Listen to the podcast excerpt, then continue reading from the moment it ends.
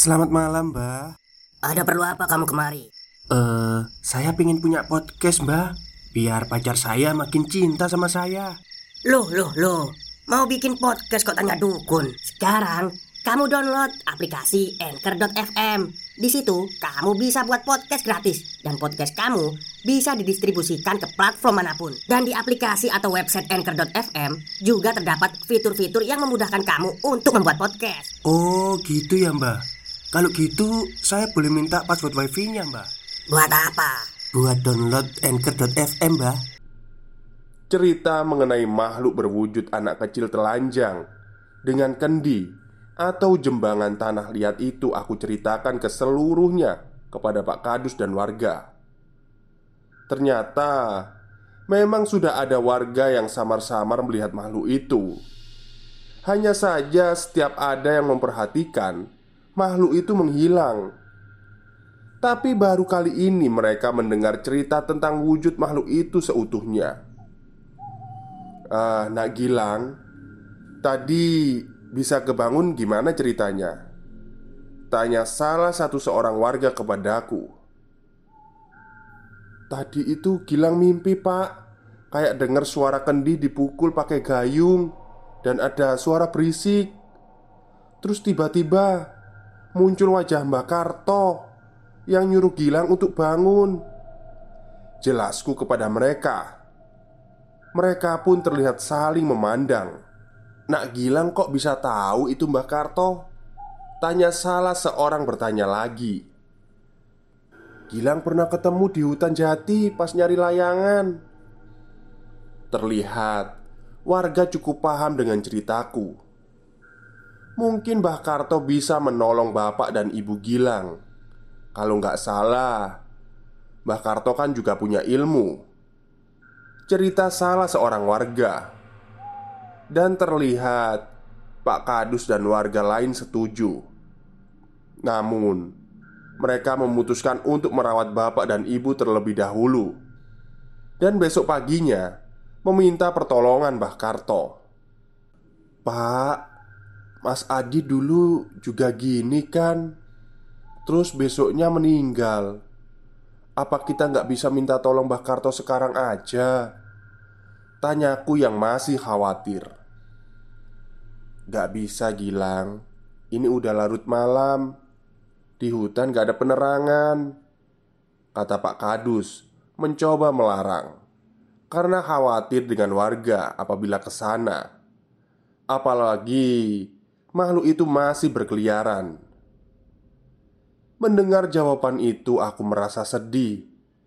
Aku tak bisa menerima kenyataan bila besok bapak dan ibu sudah meninggal. Tanpa sepatah kata, aku berlari meninggalkan rumah dan menuju hutan jati di mana rumah Mbak Karto berada. Aku yakin, aku ingat letak rumah yang kulihat dari atas pohon saat itu. Lari dan terus lari. Tak peduli dengan rasa lelahku. Gelapnya malam sudah tak mampu lagi mengalahkan rasa cemasku Akan keadaan bapak dan ibu. Namun Samar-samar Di sepanjang jalan aku mendengar suara seperti di dalam mimpiku tadi. Well, wo, well, wo Aku tak peduli Aku terus menerobos hutan jati hingga akhirnya menemukan rumah Mbak Karto. "Mbah, Mbah!" Aku berteriak keras dan mengetuk pintu rumahnya. Cukup lama aku mengulang hingga akhirnya Mbah Karto keluar dari rumahnya. "Eh, ngapain kamu malam-malam ke sini?" Mbah Karto keluar dan meminta penjelasanku. "Mbah, Tolong bapak sama ibu saya mbah. Aku memaksakan diriku Untuk bercerita pada Mbah Karto. Namun Dia malah meninggalkanku ke dapur Dan mengambil minum untukku. Aneh. Sepertinya setelah meminum air itu Rasa lelahku hilang Setelah itu Aku menceritakan semuanya yang terjadi kepada Mbah Karto. Waduh, susah nak Gilang. Kalau yang kamu ceritain itu bener Berarti Sukmo bapak dan ibumu sudah diambil. Jelas Mbah Karto. Lah, terus gimana mbah? Gilang gak mau bapak sama ibu meninggal. Aku memohon kepada Mbah Karto dengan penuh harap Kita harus mencari makhluk itu. Tapi pasti sulit. Kecuali ada petunjuk. Kata Mbah Karto terlihat cukup cemas. Tadi Saya masih mendengar suara mereka saat berlari ke sini mbah. Mungkin belum jauh. Kataku mencoba meyakinkan Mbah Karto. Ia berpikir sejenak Dan mulai meninggalkan kursinya uh, Ya sudah. Kita mulai dari sana. Kamu jangan jauh-jauh dari saya. Perintah Mbak Karto. Kami keluar dari rumah Dan berlari ke arah tempatku mendengar suara-suara makhluk itu. Namun Suara itu tidak terdengar lagi. Tadi kamu dengar suaranya dari arah mana? Tanya Mbah Karto kepadaku Di sana mbah Aku menunjuk ke arah hutan jati Yang menjadi perbatasan ke desa lain kami berlari menuju ke sana. Semakin mendekat ke sana, sayup-sayup terdengar suara seperti yang kudengar sebelumnya. Tapi kali ini lebih lambat. Well, wo, well, wo.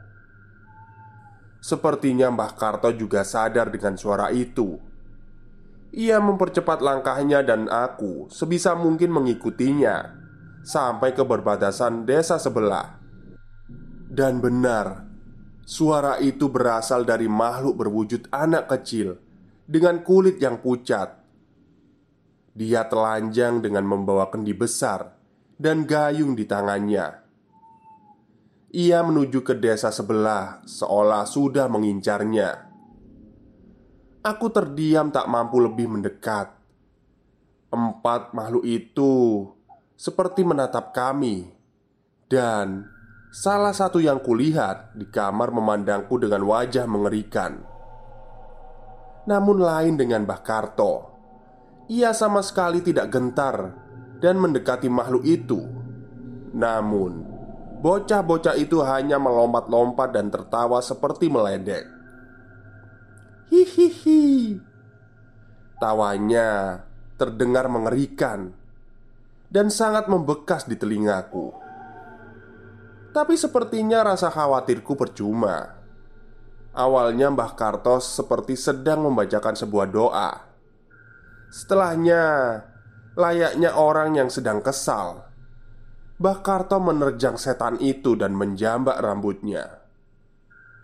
Wajah setan yang tertawa itu berubah menjadi kesal, namun tanpa bisa memberikan perlawanan sama sekali.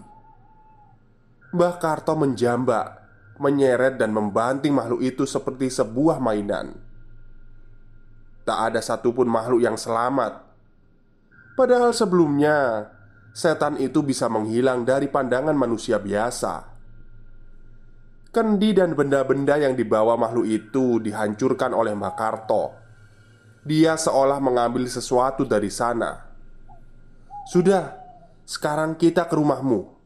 Perintah Mbak Karto Tapi Gimana setan-setan itu mbah? Tanyaku yang masih tidak percaya dengan apa yang kulihat Mereka nggak akan lagi berani mengganggu Sebenarnya mereka juga takut sama manusia Makanya mereka menyerang saat warga tidur Jelas Mbah Karto Kami segera bergegas ke arah rumahku Kali ini hanya terlihat Pak Kadus dan istrinya yang sedang menjaga bapak dan ibu.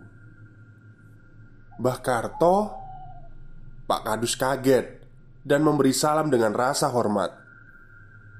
"Tolong ambilkan air." Tanpa basa-basi, Mbah Karto memberi perintah yang segera dimengerti oleh Pak Kadus. Segelas air dibacakan doa dan diminumkan ke bapak dan ibu. Sungguh ajaib panas dari tubuh bapak dan ibu mereda dengan perlahan. Aku sudah tidak terlalu khawatir lagi. Pak Kepala Dusun, ada kejadian kayak begini kenapa tidak memberitahu saya? Ucap Mbah Karto dengan sedikit membentak Ngapunten mbah. Kami belum berani. Ini penyakit atau makhluk halus. Belum ada yang bisa memastikan. Sampai kejadian ini Nak Gilang yang mengalami Jawab kepala dusun. Mbah Karto hanya mengangguk Dan memeriksa kondisi bapak dan ibu. Kalau ada kejadian begini, kasih tahu saya. Walaupun saya jauh, tapi kan kalian semua masih cucu-cucu saya. Mbah Karto memberi wejangan kepada kami. Stop, stop. Kita break sebentar. Jadi gimana? Kalian pengen punya podcast seperti saya? Jangan pakai dukun, pakai anchor. Download sekarang juga. Gratis. Inggih mbah, saya mengerti Lantas, soal makhluk-makhluk yang diceritakan Nak Gilang gimana mbah? Tanya kepala dusun kepada kami. Mbah Karto menceritakan kejadian selama kami menuju ke rumah. Rupanya keberadaan makhluk itu sudah ada sejak lama Dan diperhatikan oleh Mbah Karto. Hanya saja ia tidak menyangka kalau makhluk itu akan sampai masuk desa dan memakan korban. Pak kepala dusun pun bercerita, sebenarnya Mbah Karto tinggal di hutan jati itu bukan karena senang tinggal di sana. Ternyata hutan jati itu adalah perbatasan desa yang sering dilalui oleh makhluk-makhluk halus yang mencoba mencelakai desa. Mbah Karto dengan sukarela tinggal di sana untuk menjaga kami dari makhluk-makhluk itu. Besoknya, bapak dan ibu sudah pulih seperti biasa, dan tidak ada lagi warga yang meninggal karena tidak wajar. Setelah kejadian itu, bapak dan ibu jadi sering mengajarku dan mengajakku mampir ke rumah Mbak Karto hanya untuk sekedar berkunjung atau mengantarkan pemberian seadanya. Sayangnya, Mbah Karto bercerita, makhluk-makhluk berbentuk bocah itu tidak hanya kami yang temui. Masih ada sekumpulan dari mereka yang mengincar rumah-rumah yang tidak dijaga setiap malamnya. Tidak ada yang tahu kapan dan di mana mereka akan datang hanya rumah yang dijaga dengan doa dan iman dari pemiliknya lah yang akan selamat dari makhluk-makhluk seperti itu. Catatan: satu lagi cerita tentang Pak Gebluk ini yang saya dapatkan dari seorang kerabat yang ada di Jawa Tengah. Pak Gebluk merupakan wabah pes yang pernah merenggut nyawa ribuan orang di tahun 80-an. Namun, di luar itu, sangat banyak cerita berkembang di masyarakat mengenai makhluk penyebab wabah ini. Salah satunya ya cerita ini. Mana yang benar tidak perlu diambil pusing. Cukup kita ambil positifnya saja dan nikmati ceritanya. Sekian dari saya, semoga dapat menghibur, dan mohon maaf bila ada salah kata. Wassalam. Oke, itulah akhir cerita dari tweet twitternya Mas Dio Seta mengenai Pak Gebluk ya Jadi memang Mbak Karto ini tinggal di perbatasan hutan jati itu Untuk menjaga makhluk-makhluk itu agar tidak mengganggu desa. Wah luar biasa sekali Mbak Karto ya. Jadi kayaknya Mbak Karto ini sering adu mekanik sama makhluk-makhluk halus gitu. Oke mungkin itu saja cerita dari saya pada malam hari ini. Semoga Anda terhibur Wassalamualaikum warahmatullahi wabarakatuh